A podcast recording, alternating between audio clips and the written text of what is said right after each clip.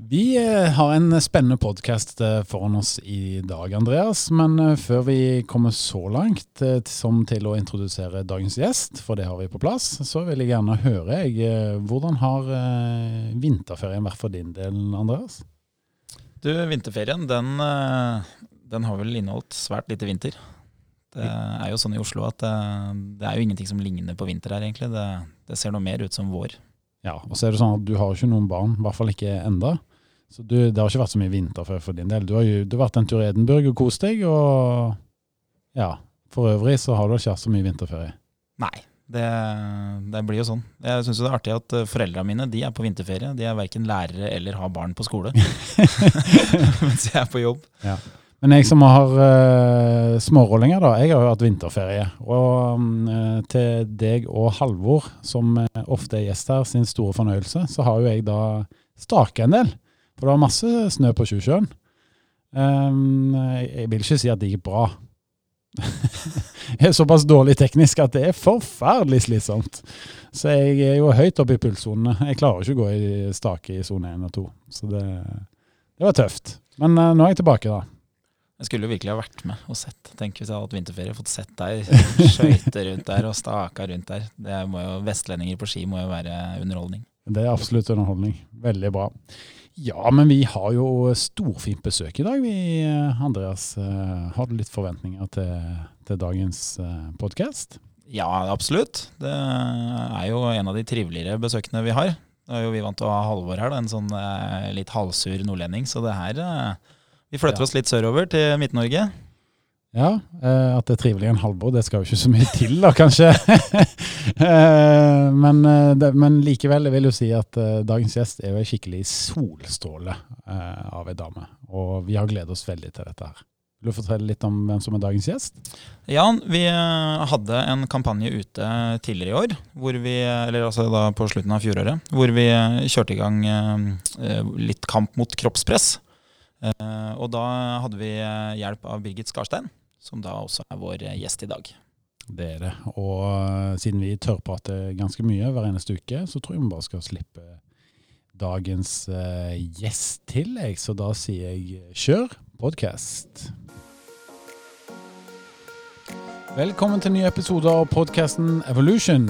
Vi snakker om de tingene du trenger å vite for å trene. Med det sagt, velkommen til oss, eh, Birgit. Du, tusen takk for det. Så utrolig koselig at du eh, kunne ta deg tid til å komme ned fra Olympiatoppen og komme på besøk til oss her nede på Skøyen i Oslo. Det er veldig artig å få lov til å komme hit på besøk, altså. det er jo veldig trivelig her. ja. Eh, vi tenkte vi skulle innlede med tre raske, vi altså. Skal vi bare kjøre i gang, eller? Ja, gjør det. Ja. Du, hvor er, er du fra, Birgit?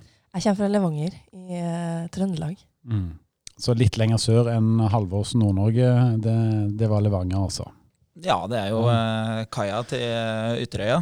Så det er jo uh, Magneten kjøpesenter og badeland og Ja, det er mye bra med Levanger. Hva sier du, Birgit? Er du imponert? Kaia til Ytterøya, det er første gangen jeg har hørt det. ja.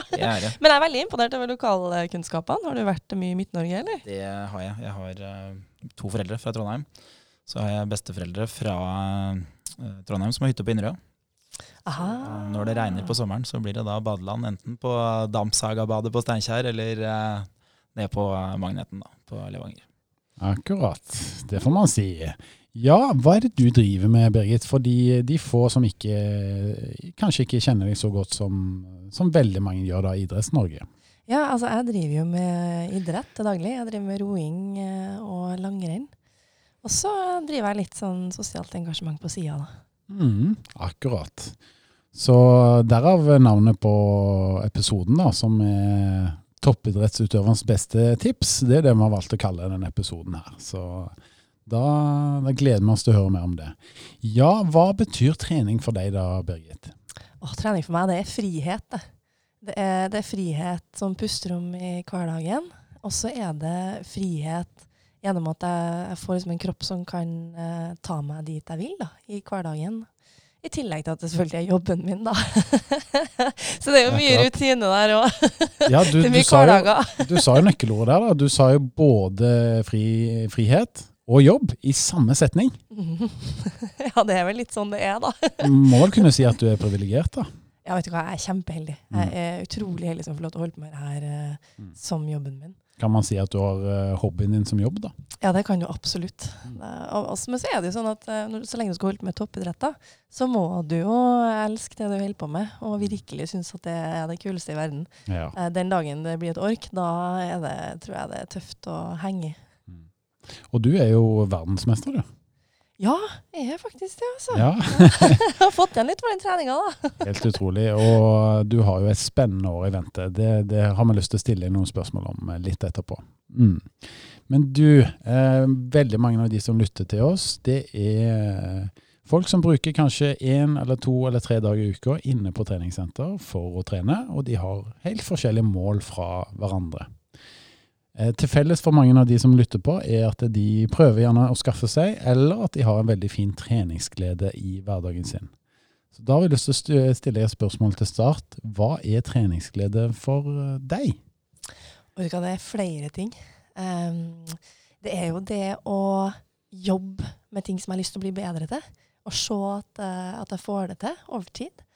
Spesielt hvis det er litt vanskelig, da, og det tar litt tid før du får det til. Men, men det meste går jo med øving, da. Eh, og så er det jo å um, ha, være en del av et eh, sosialt fellesskap. Altså Vi har jo veldig, Spesielt på Rolandslaget har vi et utrolig godt eh, treningsfellesskap. Så det å møte de andre da, og jobbe mot eh, mål sammen, det syns jeg er kjempestas. Og det å kjenne liksom at kroppen funker. da, At jeg, at jeg får den til å gjøre det jeg vil at den skal gjøre. Ja, og så driver du med individuell idrett, da, sånn i utgangspunktet. Så at du, du snakker om fellesskap og sånn, eh, kanskje noen syns at det er litt overraskende? Hva Ja, tenker du om det? ja kanskje, men eh, hos oss så er det jo kjempeviktig å bygge kultur. Å bygge lag. Sjøl om alle sammen sitter i hver sin båt, så, så trener vi sammen for det. Eh, det var faktisk noen som sa det til meg her på Olympiatoppen, eh, som jobba på Lympatoppen her en dag. Så sa de sånn Dere roerne, dere kommer alltid i flokk. Og det er helt riktig. vi kommer alltid i flokk. Det er flokkdyr. ja. Mhm. og det er jo fordi at det er mye artigere å holde på når du gjør det i lag med noen andre. Eh, og så bygger du vennskap, du bygger kultur. Du møter noen og ser noen i øynene før du begynner. Eh, så jobber vi ofte med samme ting. Eh, vi jobber jo med forskjellige ting selvfølgelig òg, men jo, hvis, så lenge vi skal være på treningssenter, så kan vi jo møte opp samtidig for det. Og så spiser vi lunsj sammen etterpå, eller tar en kopp kaffe, eller gjør det til en, til en hyggelig greie, da. Nå hopper jeg kanskje litt, men jeg, jeg hadde lyst til å stille deg et spontant spørsmål som jeg bare fikk nå når jeg hører deg prate. og det Tror du at du hadde lyktes i så stor grad som du har gjort, da, hvis ikke du hadde vært en del av en så fin kultur, og at dere hadde hatt et så sterkt fellesskap? Nei, det tror jeg ikke. Uh, og det er flere ting egentlig som gjør det. Altså, det ene er jo det at de andre er jo uh, innmari dyktige på det de er gode på. Og vi kan forskjellige ting. Vi er gode på forskjellige ting. Og når vi trener sammen, så følger vi også litt med på hverandre. Og så ser vi jo hvis noen kan gjøre noen ting bedre. Så det er jo ofte noen liksom har sett sånn Å, du, hvis du prøver, prøver å puste litt sånn her i stedet. Eller du prøver å holde stanga på den måten der. Eller eh, prøv å, å senke takta sånn. Og så gjør jeg det, og så blir det bedre. Så vi hjelper jo hverandre sånn rent faglig. Uh, og så er det jo mange tunge økter, da, og det er mange lange økter. Og det å ha noen å være sammen med, og stå i det sammen, på en måte, også de dagene hvor det ikke er like artig, uh, det betyr ganske mye. Uh, og så um, heier vi jo på hverandre, da. Sant? Sånn at, sånn, jeg investerer jo i, i deres trening, og de investerer i meg. Så gleder vi oss over hverandre når vi får det til. Og hvis vi ikke får det til, så er vi der og trøster hverandre. Mm. Sånn at det, gjør jo at uh, vi både har det bedre, gjør det bedre, og at vi over tid liksom får en følelse av at vi, vi står i målene våre i lag. Da. Det er utrolig interessant å høre. og Hvis jeg skal trekke litt inn i vår verden, da, som jobber som personlig trener og tilbringer mye tid på treningssenter, så ser jeg jo gjerne det motsatte. da, At mange blir gående alene. Og det er jo gjerne ofte de som ikke lykkes med treningen sin nå, som gjerne blir å ta seg pauser eller falle ut, eller til og med melde seg ut av treningssenteret og kommer ikke tilbake på flere år. Og Det er jo veldig trist, altså. Så mm, ja, Andreas, eh, det er interessant å høre. Hvis vi skal gi et tips, så handler det vel kanskje om å enten koble seg sammen med en venn, eller å trene med en PT. Ja, man ser jo gjerne det at eh, de som lykkes, de, eh, de gjør en av de tingene. da. det å ha en PT skaffer jo et fast tidspunkt som du må møte opp. Men hvis man ikke har det, så, så er jo det å trene med en venn noe som veldig ofte sørger for at man prioriterer trening. Hvis du sitter hjemme og føler at ok, i dag er jeg kanskje ikke helt eh, i rute med det å skulle dra på trening, nå er jeg sliten etter jobb, eh, så, eh, så blir det fort sånn at hvis du har noen du skal møte, så føler du et visst ekstra ansvar som, eh, som gjør at det er lettere å komme seg på trening. Eh, når det gjelder toppidrett, da, så, så er jo de fleste innstilt på at de må møte opp. Det er vel få som, eh, som blir hjemme, som i hvert fall lykkes med noe.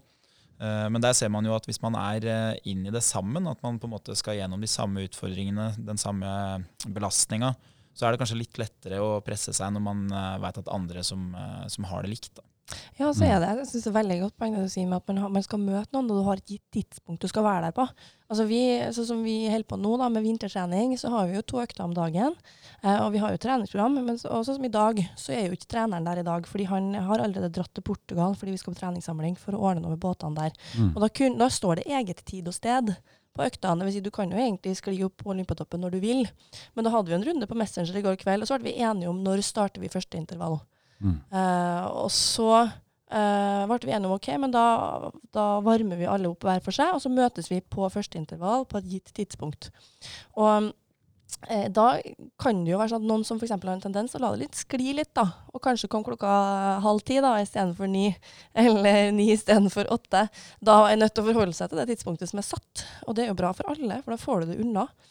Og det er jo det, det å ha en PT eller det å ha en kompis å trene med, det gjør jo også at du pusher jo hverandre litt mer. sant? Du heier på hverandre. Sånn, 'Kom igjen, siste reppen nå! Én til! Du får det til!'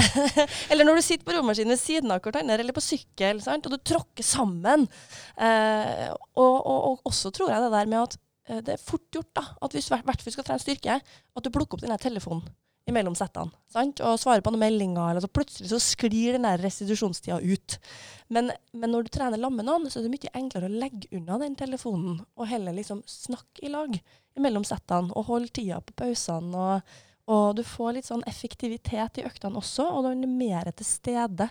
Mindre sannsynlig for å liksom skli ut, tror jeg. Jeg tror du traff uh, spikeren rett på, eller rett på spikeren. Fordi nå kjente jeg meg igjen på to ting.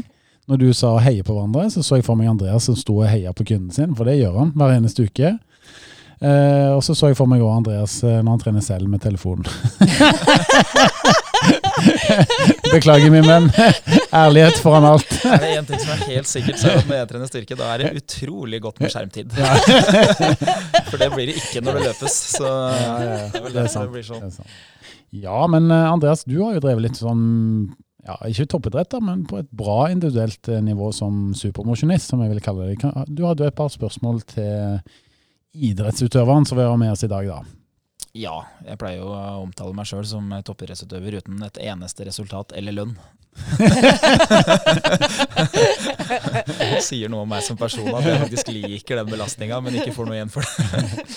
Eh, nei, det som vi har eh, tenkt litt på tidligere, det er jo eh, De fleste barn de driver jo med litt forskjellige idretter. og Selv drev jeg jo med en tre-fire forskjellige ting. Jeg spilte litt innebandy, drev med skiskyting, fotball.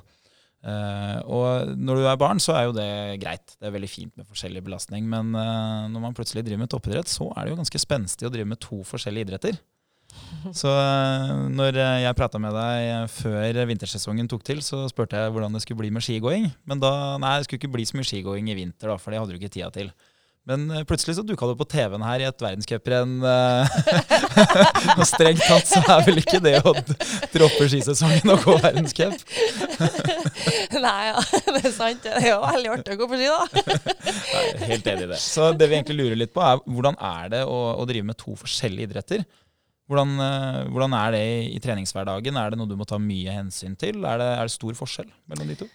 Eh, de utfyller hverandre veldig godt. Altså, jeg, er jo en paralympisk utøver. Jeg har en lammelse i beina som gjør at jeg bruker bare overkroppen når jeg trener. Og, og det stiller jo litt andre krav til variasjon, fordi at jeg har mindre muskelmasse å ta av. Det er mindre, færre kroppsdeler som skal gjøre hele jobben. Men det vi ser er at jeg kan kolle et ganske høyt antall treningstimer så lenge jeg er skikkelig god på å variere hvordan jeg bruker kroppen min.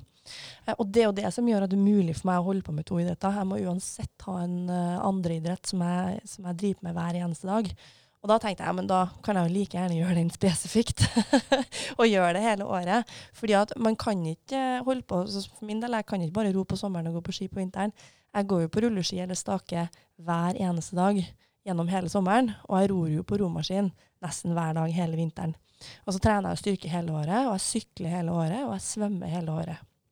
Eh, sånn at det handler jo om at eh, man må være ganske målretta eh, og vite hva man vil. Og så handler det om å ha en jæklig god plan på hvordan legge opp det på en måte som gjør at jeg får de treningene jeg skal ha da, på, i hver idrett, uh, og at de utfyller hverandre. Um, og så er det jo prioritering. ikke sant? Så, Sånn som du sa, da, at uh, den vintersesongen her er veldig nedprioritert fordi at vi har et OL og Paralympics i Tokyo. Så de har jo trent på rotreneren sitt program hele vinteren. Men alle roerne går jo på ski. I januar var vi f.eks. tre uker i Livigno i Italia, alle roerne. Uh, Olaf Tufta jeg tror er 34.-plass fra Vasaloppet. Det stemmer, det. Ja. sånn at det der med krysstrening for å få nok treningstimer, det er ganske utbredt. Uh, og så må man være interessert i å gå en liten ekstra vei da, når du skal konkurrere i begge.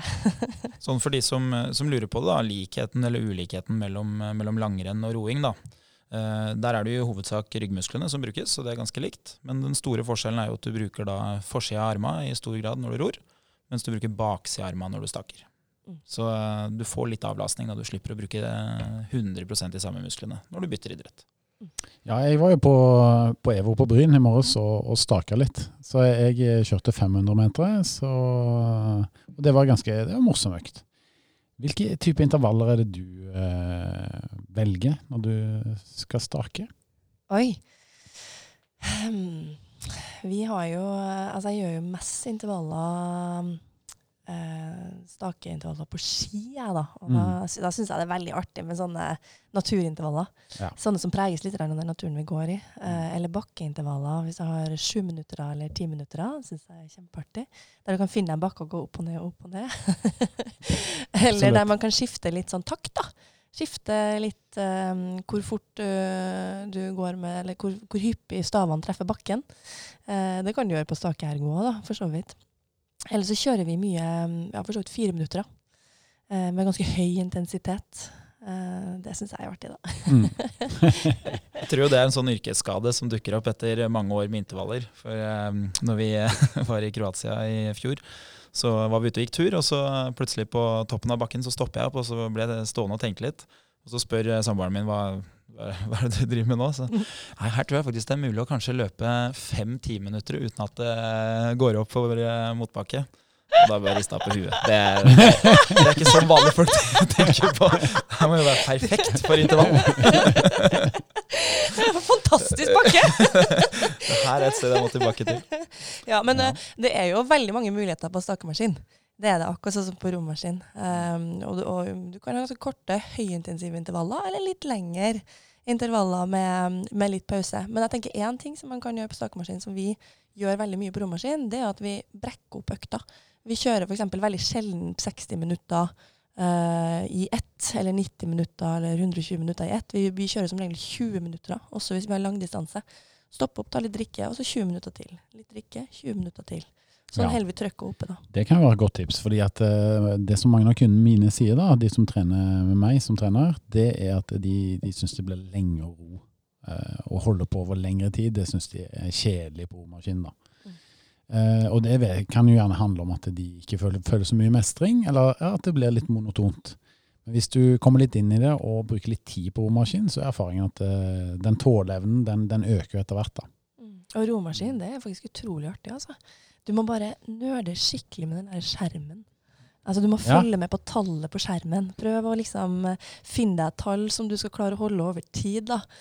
Um, og så følg med på takta. Prøv å liksom holde takta litt lav, egentlig. Så liksom, vi, vi, kaller det travel distance. da, altså At vi skal liksom komme langt på hver tak, hvert tak. Så kan du leke med takta. da. Så Hvis du har intervaller, så kjører du eh, takta opp, og så kjører du takta ned igjen. Uh, mm. Og det som også er veldig fint med romaskinen, er at hvis du kommer i en sånn flyt at du liksom eh, får en sånn rytme. At du nesten liksom ikke helt kjenner at du er til stede engang. Du bare ligger og flyter i den rytmen. Så kan det gå ganske eh, fort Men eh, ja, man må bare finne den rytmen du ligger i. Birgit, dette var jo både nerdete, som du sa selv, og veldig inspirerende på samme tid. Nå, nå var du dypt nede i materien på romaskin. veldig morsomt å høre, da. Ja, skal, jeg, jeg, kan, kjenne meg igjen i det. Ja. Ja, vi skal litt videre på akkurat det med ro, da, når vi er inne på romaskin. uh, nå er det sånn at Halvor pleier jo å gi uh, Peter, da, han som er uh, som er ansvarlig for produksjonen her, han pleier å få det glatte lag for en veldig svak roinnsats her for et par år siden. han, Halvor trodde at Peter var god til å ro, inntil han fikk vite hvor fort han rodde, og han blei så skuffa. Så. Grunnen grunn til at han trodde han var god å ro, det er jo kroppsformen hans. Han er meget sterk, han er høy, og han har en ganske bra range of motion. da, At han har en lang bevegelsesbane som han kan benytte til sin fordel. Så alt lå til rette. Vi trodde han var et naturtalent. Og hva skjedde så? Nei, vi har vel egentlig, eh, Når vi har analysert det, så, så tror vi at eh, han ble i bedre form. Men jeg tror egentlig bare han gikk til mer og mer fra start. Så vi tror egentlig han sprakk hver gang. Så totaltida ble aldri noe bedre. Så, så, derfor så har jeg egentlig da det, det, er jo Peters sitt spørsmål, da. Hva er de tre viktigste tingene å fokusere på hvis du skal bli god til å ro? Og gjerne da på romaskin. jo, altså da ville jeg ha prøvd uh, å, å finne et tall som du skal rope opp på det displayet. og prøve å holde ganske jevnt det tallet. Og så presser man liksom ned det tallet etter hvert som man blir bedre og bedre til å ro. da. Eh, prøv liksom, fordi Hvis du klarer å holde det ganske jevnt, så slipper du de der rykkene. og så uh, den derre takta. Nettopp holde takta nede på langkjøring. Eller liksom eh, du kan, jo, du kan jo jukse opp farta litt med å, å, å pumpe opp takta, men det holder jo bare så så lenge. så går det jo ikke Han fant ut det. og så må du rett og slett slå av hodet, for det er så jæklig vondt å ro på romaskin. Ja. Vet du, vi hadde noe testing i Trondheim her nå uh, før jul, og, fordi vi driver og utvikler ut utstyr. Og da testa vi laktat, og da sprakk jeg skalaen på laktattesteren på, på Olympiatoppen. og da, ble Olympiatoppen veldig imponert, men roterne sa bare nei, nei, nei, det gjør vi hele tida. det er helt vanlig. Og det handler jo da om at eh, nivået av melkesyre i kroppen er veldig høyt. Fordi at romaskin er jo en, et apparat som kobler på hele kroppen, og hvor du jobber med ganske høy eh, melkesyre Eh, så, så, du kjenner jo at du ror. så du må slå av hodet. Det er siste tipset. Altså, følg med på tallet på skjermen, eh, lek litt med takta, og slå av hodet. Prøv å finne den rytmen. Ja, og ja. Da, nå, Det er jo dårlig gjort mot Peter, som da ikke har en mikrofon her, så han får ikke forsvart seg. Men uh, helt perfekt. Jeg, jeg, tror dette er gode tips. det er helt perfekt. Men det som er tipset, her, er jo å, å, prøve å få med seg også de tallene som står på skjermen som du ikke veit helt hva er. Uh, og Det ene du refererer til, er jo da frekvens. ikke sant? Hvor mange tak eller hvor mange trekk gjør du i minuttet, som er uh, vesentlig. Uh, og så er det jo hvor lang tid som er estimert på 500 meter. Mm. Og det tallet det vil jo flyte i takt med om du ror fort eller sakte. Mm. Og det å prøve å holde det jevnt, og gjerne jevnt sakte kanskje, de første gangene, ja. sånn at du holder hele distansen, og så kan du jo da vippe opp fartet.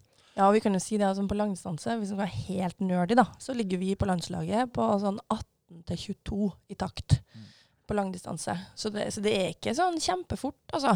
Det er ikke så høy takt. Uh, og, og, jeg tror liksom det å bli litt vant med bevegelsen Og ta de 20 minutterne, da. Ta litt vann, ta tre minutter pause. Gå tilbake igjen 20 minutter til. Sånn at du ikke blir så sliten av å sitte. Og så er det jo sånn uh, fysiologisk sett at uh, for de aller fleste så er jo det å skulle drive med utholdenhet for overkroppen, det er jo noe som man ikke kan. Det er jo noe man ikke har øvd på noen gang, med mindre man drev med langrenn eller annet når man var barn. Så Derfor så må du forvente at det tar litt tid før overkroppen kan begynne med, med å levere utholdenhet på veldig høyt nivå. Da. Mm, absolutt, men det er jo mest bein. Det er jo aller mest bein. Du skal jo spenne ifra. Og så er det veldig bra for kontorkroppen. Du får retta deg litt opp.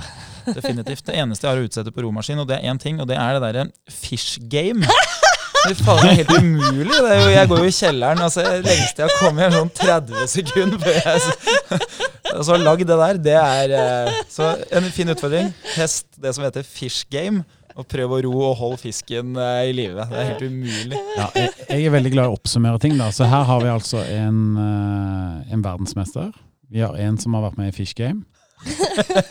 Men hva har den tredje ja, personen gjort? Ok, Nå skal du få lov å fortelle om den gangen du var med og rodde innendørs. Ja. Vær så god. Nei, er det sant? Jeg, eh, er selvskryt, er det innafor, eller? Ja.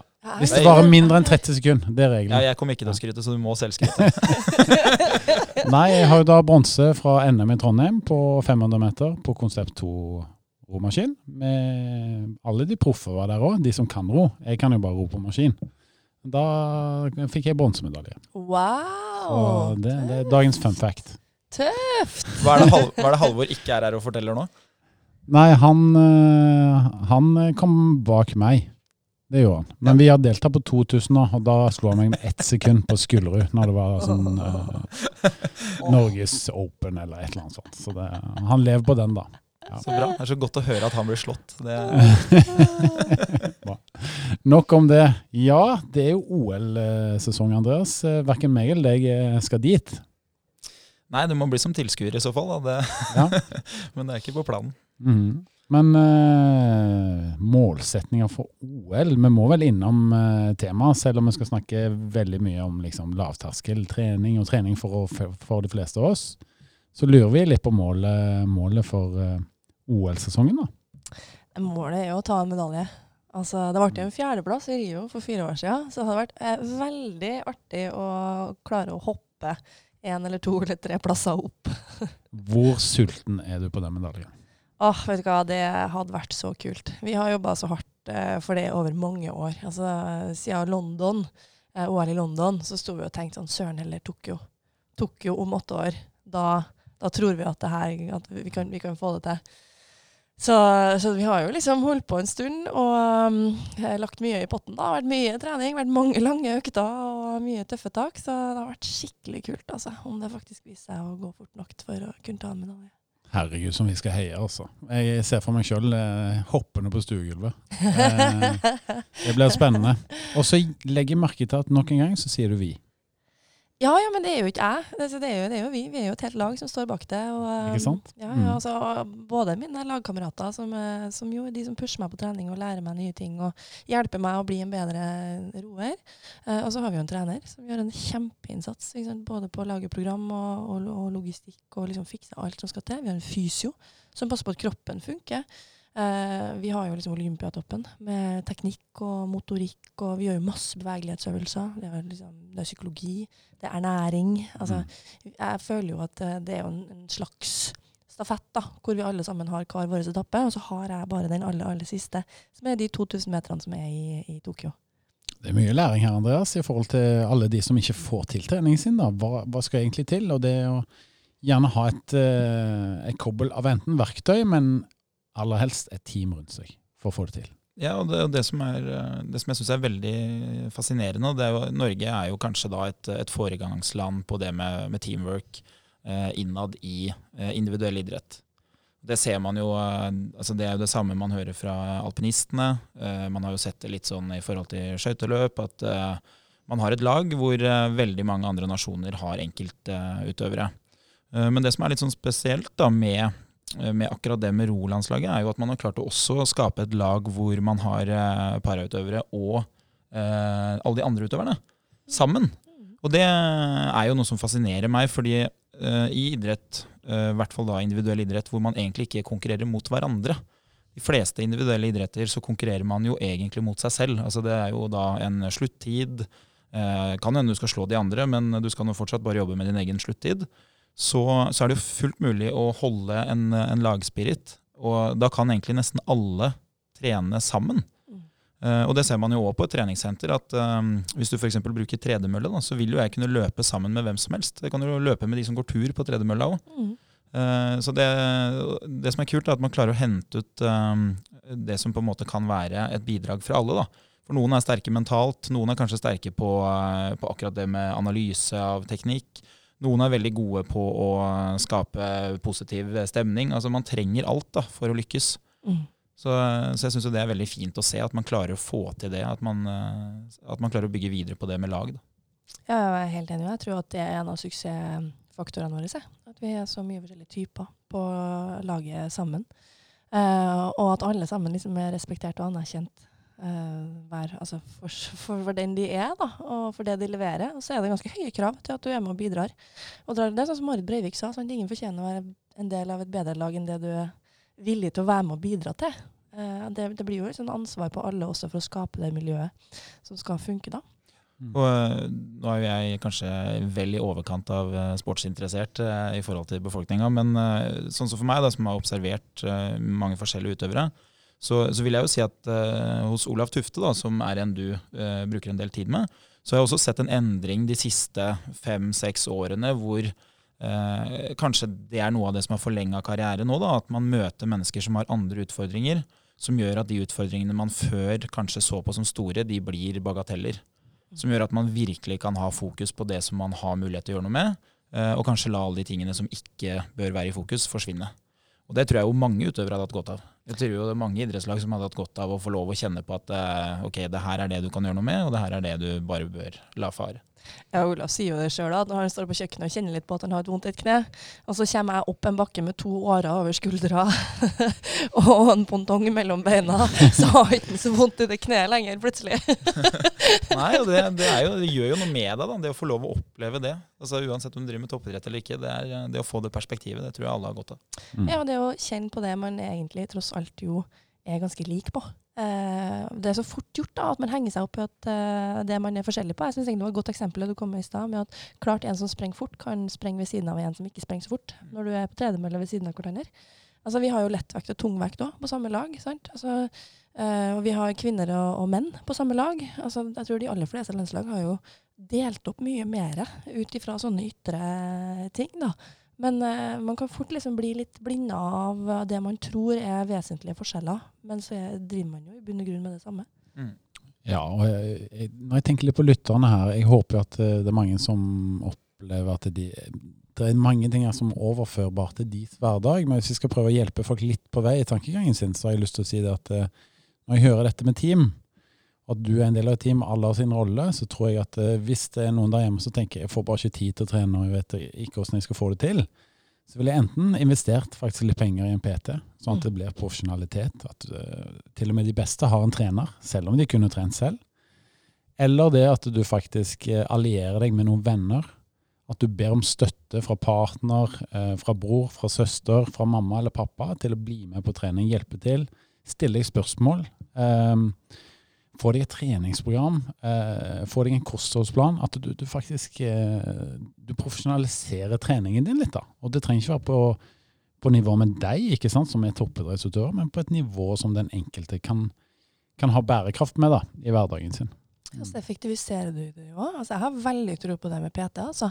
Eh, bare det å ha et, et uh, sjekk-inn-punkt med noen. Da får du også litt hjelp på teknikk. Sant? Og du, du, får noen som følger litt med på det du driver med, det som er riktig i forhold til dine mål. Uh, og så kan man trene sjøl imellom de timene. Uh, også, mm. jeg, jeg, jeg, har veldig troa på det. altså. Vi mm. bruker masse PT. Veldig bra. Du, eh, og til noe helt annet. Når, eh, altså Jeg jobber jo med trening, og jeg er vant med at veldig mange mennesker som er rundt i nettverket mitt, de stiller ofte spørsmål til meg om trening. Fordi det, trening det er noe som engasjerer og interesserer veldig mange.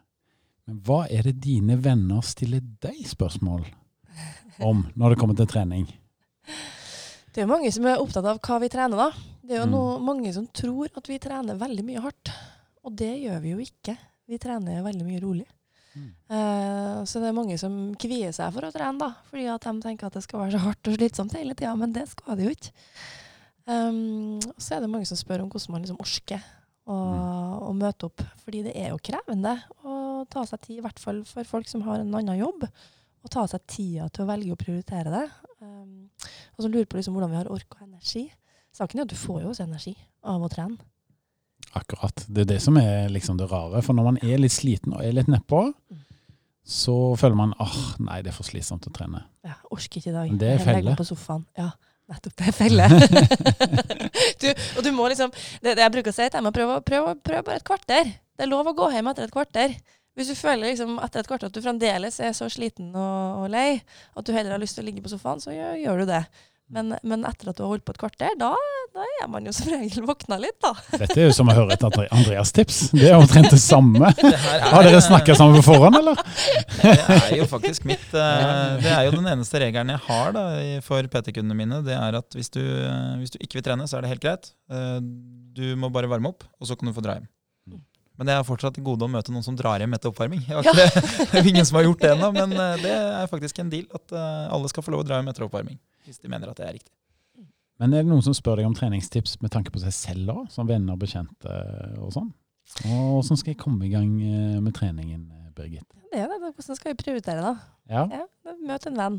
Ta og uh, avtale med noen. Mm. Eller prøv å legge litt rutine. Ja. Um, mitt uh, tips er kanskje å legge det i kalenderen. Fordi at eh, da, da prioriterer setter jo av tid. Akkurat som man setter av tid til et møte. Sett av tid i kalenderen eh, til trening.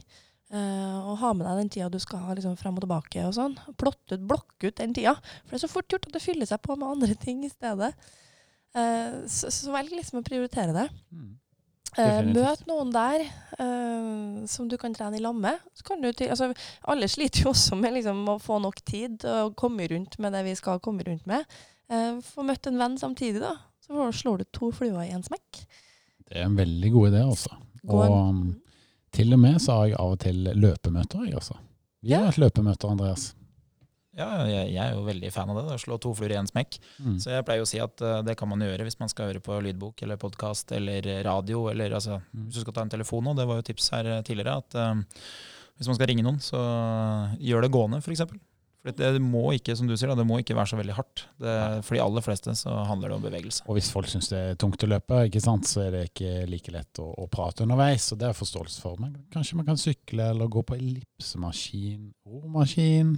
Osv. Så videre. så Mm. Jeg tror, jeg tror kanskje en av de tingene som, som man bør uh, merke seg, da, som er den store forskjellen på kanskje de som lever av trening, og de som sliter med å, å få det til å fungere, det er veldig ofte at man skiller mellom uh, hvis og når. Altså En toppidrettsutøver sier alltid 'når jeg skal', uh, fordi man har en forventning om at det må gjennomføres. Det er ikke et valg jeg skal ta, det er kun et valg om når tidspunktet er. da. Mens for, eh, for mange andre så er det 'hvis jeg får trent i dag, så skal jeg'. Eh, og da har du allerede starta på en, en runddans hvor det faktisk er et valg å ikke gjøre det. Og det man ofte ser, er at eh, treningsmotivasjon det dukker ikke opp av seg sjøl, det er jo noe du må skape. Så det er ikke sånn at du plutselig våkner en dag og tenker nå, nå blir det hver, hver tredje dag. Sier du det? Nå har jeg venta lenge. Jeg trodde kanskje det kom til slutt, jeg. Den som venter på noe godt, osv. Ja. Ja, men det der er veldig sant, altså. Fordi jeg tar jo aldri stilling til hvorvidt jeg skal trene eller ikke. Med mindre jeg er sjuk. Mm. Fordi det skal jeg jo. Uh, og jeg har jo vært på, vært- liksom på middag med venninner og sånne ting, og så må jo jeg gå. Fordi jeg har fremdeles en økt igjen som jeg må ordne, liksom. Jeg må, må ta. Fordi at vi har tre økter f.eks. den dagen, da. Eh, og da blir jo de litt sånn Hæ, skal du gå fra middagen for å gå og trene? Ja, selvfølgelig må jeg det, fordi at jeg har den økta. Ja, men kan ikke du bare Nei, men det er ikke et reelt alternativ. Det er ikke, det er ikke noe vits for meg å vurdere det engang, fordi at den økta står der. Uh, så jeg har veldig troa på det. egentlig liksom bare Prøv å slå av hodet. Hvis hodet begynner sånn ah, Nei, jeg vet ikke helt om jeg orker. Nei, bare, bare, bare, bare ikke tenk. du må bare gjøre det. Nå er det ikke sånn at vi skal si at trening er det viktigste du gjør, men det er, det er jo en viktig ting. Nå er jo dette her også en podkast om trening, derfor et eh, relevant tema. Men eh, for min egen del, da, hvis jeg skal fortelle om når jeg er på andre sida av skalaen, så er jo det f.eks. sånn eh, når jeg skal begynne å lære meg å lage mat. Det venter jo jeg også på at jeg plutselig skal få lyst til. Når jeg skal begynne å gjøre alt husarbeidet som jeg aldri gidder å starte på. Eller ja, f.eks. spare penger. da. Det jo tenker man jo at ja, ja, men det skal jeg jo begynne med. Men de tingene de fungerer best hvis du begynner med det. Det er jo da det fungerer. Det, å gå og vente på det, det ender veldig ofte med at det aldri blir gjort. Ja, men man må prioritere litt hva som er viktig i livet sitt òg, da. Altså, du klarer ikke å prioritere alt. Du kan ikke både lære deg å lage mat og rydde huset og fikse aksjer og gå på jobb og trene hver dag.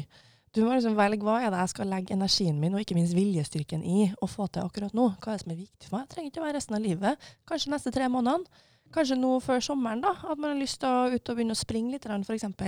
Og legge en plan på det. Og da prioriterer man jo det. Men da prioriterer du samtidig bort andre ting. Ja, og det, Jeg pleier å tulle med det til kundene mine når jeg sier at eh, det er jo bedre å ha det rotete eh, og ikke ha noen penger, men å ha god helse, enn å eh, ha penger på konto som skal fordeles som arv. Hvis, hvis, det, hvis man setter det så hardt eh, Så hjelper, hjelper de litt til å prioritere, da, rett og slett. Ja. Men det med å være litt såpass perfeksjonistisk da, med livet sitt, at alt skal liksom ha på stell hele tiden, det Jeg tror det ligger noe der, da. eh, Og derfor får ikke mange tid til å trene. For det er så mange andre ting som skal fikses. Mm. Mm. Jeg må jo si det at når jeg hører disse tipsene som dere kommer med, er jo veldig, veldig bra. Og det å slippe å ta valg, det tror jeg er en nøkkelfaktor. Det er kanskje et av de bedre tipsene som vi har gitt på denne podkasten her. Jeg kan jo eh, dele litt på det, da. Vi deler jo det meste i forhold til vårt eget liv og trening her, eh, Andreas, eh, hver uke. Og jeg har jo da ikke spist sjokolade eller godteri i hele 2020 så langt. Da sa jeg at jeg skal ikke gjøre det frem til påske. Og når jeg da går i butikken og handler, og det må man gjøre en del som familiefar, så er det ikke et alternativ å titte på sjokoladen. Nei. Men jeg er veldig glad i sjokolade. Jeg får balanse i livet og koser meg og litt sånt.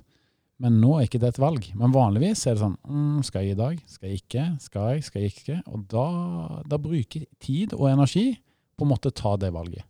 Så jeg bruker jo viljestyrke, da. Energi til, til å holde på viljestyrken. Men det gjør ikke noe.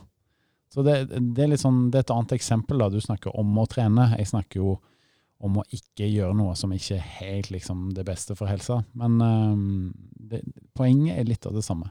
Men, men, livet det er jo så mye valg hver dag. og Hvis man klarer å forenkle det litt, så har man jo mer kapasitet til andre ting. da. Altså Vi bor jo mye på hotell for eksempel, når vi er ute og reiser. og sånn. Jeg har en helt fast hotellfrokost jeg, som jeg spiser hver gang jeg bor på hotell.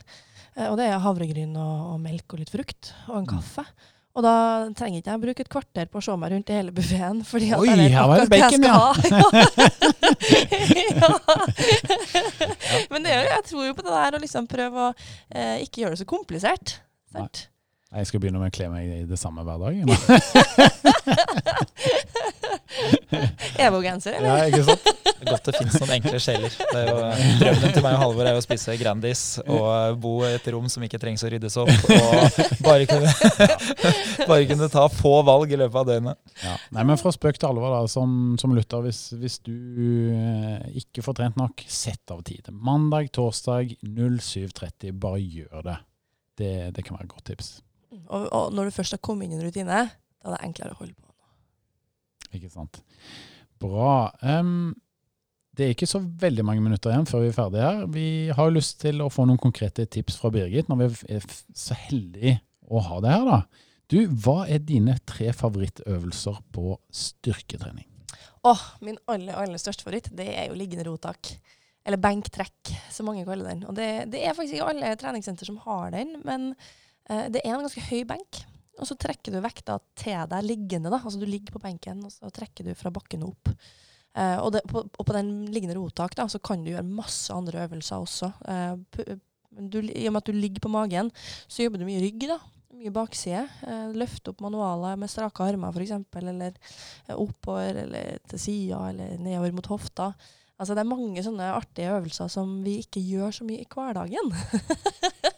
det er den ene. Uh, så jeg tenker nummer to kanskje hangups. Jeg synes det er artig. Fordi at det er litt teknisk, og så aktiverer du veldig mye. Og så er det sabla bra trening. Herregud, hvor høy pils jeg kan få på å ta hangups. Nå sitter Henning og nikker her, da, men det er fordi det er favorittøvelsen hans, og ikke min. da. Det, det, det er og så vil jeg kanskje si franskpress som den siste. Da ligger du på, på, ryggen, og så eh, tar du vekta over hodet og bakover. Og så opp. Det er en veldig bra mageøvelse. Og, og for armene litt sånn stakeaktig, faktisk. Har du de tre der, så trener du ganske variert, egentlig. Eller hva sier du? jo, jo, jeg er helt enig. Helt enig. Mm, veldig bra. Det, der uh, fikk uh, de som lytter på, noen tips til øvelser som de kanskje kan teste litt ut og implementere i sitt uh, treningsprogram. Ja, og den, den, første øvelsen, da, hvis du ikke har tilgang til en, til en benk, så kan man jo enten f.eks. gjøre sittende roing, som minner litt om det, eller at man bruker et apparat som er type sittende roing, hvor du har en støtte mot magen. Mm. Som vil bli ganske, ganske identisk. Mm. Bra. Du, nå er det sånn at I Norge i dag så er det sånn at 20% av befolkningen trener på treningssenter. Og Det er bra for de som trener på treningssenter, men hva med 80 altså? Eh, det er veldig mange som faktisk ikke Fire av fem da, de kommer seg ikke på treningssenteret. Hvorfor tror du eh, Birgit, at folk ikke prioriterer trening da? I hvert fall ikke inne på treningssenteret i tilstrekkelig grad. Hva, hva tenker du om det? Nei, En del er nok kanskje ute, da. Uh, og så er det jo Vi har jo en travel hverdag, da, de fleste. Det er mye som skal gjøres, mye logistikk. Og uh, man trenger kanskje å gjøre det ganske effektivt. Ellers så trene altså det, det, er jo ikke alle som trener i det hele tatt. Det å prioritere det jo, kan være ganske krevende. Nei, men eh, det er nok en del som trener ute, men vi vet jo at det er ganske mange i Norge som er inaktive i dag, som ikke får trent. Og det å gå en tur, dersom de ikke klarer å få opp pulsen noe særlig, det, det blir en tur. Det er en fin aktivitet, men trening jeg vil ikke kalle det for, eh, for regelrett trening, altså, med mindre du får opp pulsen i tilstrekkelig grad, eller går oppoverbakke. Så eh, hvorfor, hvorfor kommer ikke folk i gang, da? Hva, hva tenker du? Hvordan skal vi få det til? Hvordan skal vi få tak i de? Det er jo kanskje det å se hvor stor påvirkning det faktisk kan ha på eget liv. Da. Det kan jo være litt vanskelig å se hvis man ikke er på treningssenteret. Hvis man ikke er der og får løfta de vektene, så ser du heller ikke hva den ekstra styrken kan gi deg da, i, i livet, og hvorfor du skal prioritere det. Det er jo, og så er det jo kanskje litt sånn, sånn som vi var inne på her i stad, skal, skal, gjøre det. mm. og det å bare liksom ta seg i nakken og faktisk gå og melde seg inn og, og, og være der, det, det, kan jo være en liten dørstokkterskel, da. Ja, um, gode poenger det. Og jeg, jeg, tror jo at mange de, de frykter litt, da. At de, de, er litt redd for at det skal bli for slitsomt, um, at de skal gjøre ting feil. Um, eller at man faktisk ser på fordelene som kun teoretiske, at man ikke har kjent det på kroppen, litt sånn som du er inne på. Jeg var jo Tidlig i vinterferien så var jeg oppe og besøkte min far, da, som egentlig ikke har trent så mye gjennom hele livet. Og Jeg dro han med ned på en fotballbane, og så kjørte vi kortintervall. Mm. Og Han har jo ikke løpt på 25 år, tror jeg, men han klarte faktisk å løpe noen korte strekker. Og Den mestringsfølelsen som han følte på, altså det, det var nesten sånn til å få tårer i øynene. Det var så fint å se da for en sønn. Så, um, men, men, jeg må jo ringe nå to ganger i uka. Nå, nå, må du gå på trening. Så det er vanskelig hvis det ikke er en del av rutinen din. ikke sant? Men jeg tenker jo at hvis man kommer over kneika, 50 økter, over 50 økter, da har du kanskje bygd en rutine, sånn at du blir selvstendig. da. Mm. Men jeg tror det er med at man ikke helt vet hva man skal gjøre er at det krever kapasitet. da, å finne ja. ut hva du skal gjøre. Tenk deg Hvis det bare stått noen og sagt akkurat du må gjøre sånn, du må gjøre sånn, du må gjøre sånn. Mm. Sånn som en PT. Ja, ikke sant? Faktisk. Mm. Da tror jeg det er mye enklere å gjøre det òg. Ja, supert. Ja, vi, eh, vi, har jo hatt en kroppspresskampanje. i EVO. Kanskje du forteller litt om hva vi har gjort der, og hvor heldige vi var som fikk knytta til oss Birgit med å hjelpe oss litt med, med budskapet. Jo, det som, eh, det som, er grunnlaget her, er at man ser i en del uh, studier og undersøkelser at uh, yngre i dag da, de føler at det er ganske stor påvirkning på livet deres. At det er såpass press da, på det med, det med, kropp. Både utseende og forventninger. Og det som er synd, da, det er jo at treningsbransjen kanskje tidligere i stor grad har bidratt negativt da, til å utvikle mer kroppspress enn man har tatt ansvar for å for å prøve å redusere det. Uh, og For oss da så er det jo viktig at vi tar et standpunkt. Vi ønsker jo å, å fremstå som noen som, uh, som, vil at det skal gå i positiv retning.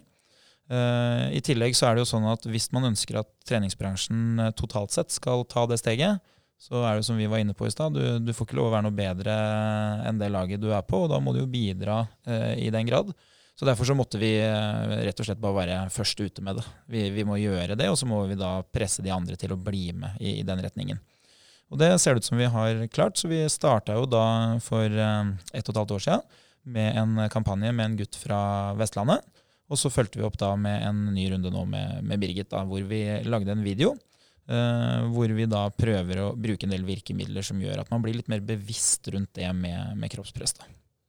Så vi sier jo gjerne at eh, tren for å forbedre helse, da. At det er helsa som er i fokus.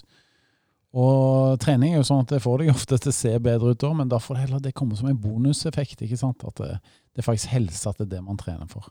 Hvorfor var det viktig, eh, viktig for deg å, å, bli med på den kampanjen her? Altså, jeg kjenner jo veldig på hvor mye styrke og, og trening faktisk gir meg frihet i min hverdag. Altså, eh, jeg har et bedre liv fordi jeg er i aktivitet. Og um, jeg ser jo også hvor mye fokus det blir nettopp på det ytre, da. Spesielt om sommeren, egentlig. Hvor det er liksom mye hud, og eh, hvor vi liksom dømmer oss sjøl og hverandre for hvordan vi ser ut. Mens det er jo egentlig helt irrelevant i forhold til hvordan vi faktisk bruker kroppen, da, eller hva som er funksjonen. Så jeg vil liksom være med og, og vri litt på hvordan vi skal se på det med kropp, og hvordan vi skal se på det med trening. At det handler jo om hva du kan bruke kroppen til, ikke hvordan den ser ut mens du gjør det. Eh, og jeg har jo også hørt historier fra folk som sier at eh, de må bare trene sånn at de blir fit nok til å kunne trene på treningssenter. Og da, hvis du tror at du liksom må være eh, så godt trent da, for å det hele tatt kunne trene der, fordi du føler at du må se ut på en bestemt måte for å være på treningssenter, da har vi liksom bomma litt. Eh, det må være et sted hvor alle sammen kan komme med den kroppen de har, og de målene de har. Og jeg kan ikke sette noen andre sine mål. Folk må jo sette sine egne mål. Eh, hva har du lyst til å få ut av den treninga? Eh, og så er det helt greit. Så jeg vil da gjerne være med å bidra til at folk kan liksom kjenne på det at eh, hverdagskroppen da, eh, og sine mål er godt nok, og det er helt riktig. Og det er sånn det skal være. Nå, nå er det også sånn at uh, for en del bedrifter så er jo det her et, et riktig standpunkt å ta. man, Mange gjør det jo utelukkende fordi det er positivt. Altså Man får god, god PR på det. Uh, og Det er jo selvfølgelig også en av, en av, grunnene til at vi gjør det. Vi ønsker jo å få oppmerksomhet for det. Men det som er da, at vi, vi er nødt til å stille uh, oss bak oss, eller altså vi må stille oss bak det, vi òg, og ta noen endringer. For hvis ikke så, så, er det jo bare noe vi har kjøpt. ikke sant? Så det som vi i EVO har gjort, da, det er jo at vi da har vi har valgt å endre litt på bildebruken. Nå har jo vi vært veldig nøye på det mange mange år tilbake i tid. Da, at vi, vi, skal bruke bilder som representerer de som trener hos oss. Og som i stor grad ikke skal bryte med det eh, kroppspresset som da dannes ved, ved, å ha veldig sånn kommersiell bildebruk. I tillegg så har vi valgt uh, å endre antrekket til de PT-ene som jobber hos oss. De som du ser ute på, på klubb. De skal da helst ha på seg fornuftige klær, som gjør at ikke du føler at de i hvert fall skal være noe rollemodell for hvordan du skal se ut. Eh, og så til syvende og sist da, så var det en grei diskusjon her i, i fjor angående treningsklær. Og uh, vi i EVO da, vi valgte rett og slett å gå til det skritt at uh, du får ikke trene i, i, lite klær hos oss. Du får ikke ha bar mage, du får ikke ha veldig sånne tynne, enkle singleter. og det er klart det blir litt furore i treningsbransjen når det kommer, for man, man ønsker jo liksom at det skal være helt fritt og det skal være åpent for alle. Og det er greit, det, men men du får trent helt fint om du kler på deg òg. Det, det, må ikke bli et sånt se og bli sett-miljø for at du skal få trent. Men her tenker jeg Det er to typer friheter. Du har frihet til, og så har du frihet fra. Unnskyld. Uh, frihet til å, å, gå med de klærne du har lyst til å ha på deg når du trener, men også frihet fra å få masse hud og kropp uh, midt oppi ansiktet når du egentlig er der for å, for å få sterkere bein, eller for å få en litt mer funksjonell rygg.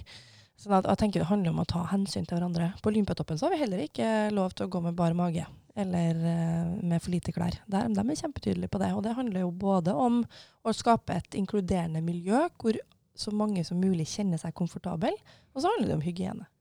Du skal borti masse benker og sånne ting. Det At klærne kan ta til seg svetten heller enn at benken gjør det, det er bare fint. Ja, og det, det syns jeg høres veldig fornuftig ut. Veldig bra. Vi nærmer oss eh, slutten her på denne podkasten. Så um, hvis vi skal avslutte med, med å gi lytterne ja, et tips da, for å liksom holde i gang treningen sin da, over tid eh, Vi har gitt mange gode tips allerede, men har du et siste, siste tips til de som uh, hører på oss? Uh, gå la med noen. Avtale med noen. Ikke nødvendigvis hver økt, men innimellom gjør det til en, en positiv greie, hyggelig greie. Uh, gjør aktivitet som uh, du syns er artig. Hvis man bare skal drive og piske seg sjøl hele tida, så er det vanskelig å opprettholde det. Og kanskje sette deg et mål, da. Sette, altså, det trenger ikke være med i et løp engang. Bare hvor fort skal du sykle, eller hvor fort skal du springe, eller hva er det du har lyst til å prøve å få til? Veldig, veldig bra. Med det sagt så sier vi tusen takk for at du kom hit til oss, og vi, eh, vi ønsker deg virkelig masse, masse lykke til i OL. Tusen takk for at jeg fikk komme, og takk for det. Bra. Da sier vi vel eh, at det var det for oss. Det var det med rakk, er det det du skal si? Ja. Tenkte vi skulle begynne med Karmsund. Det likte jeg.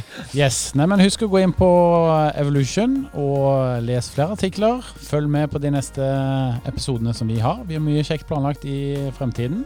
Med det sagt, så takk for oss. Sayonara.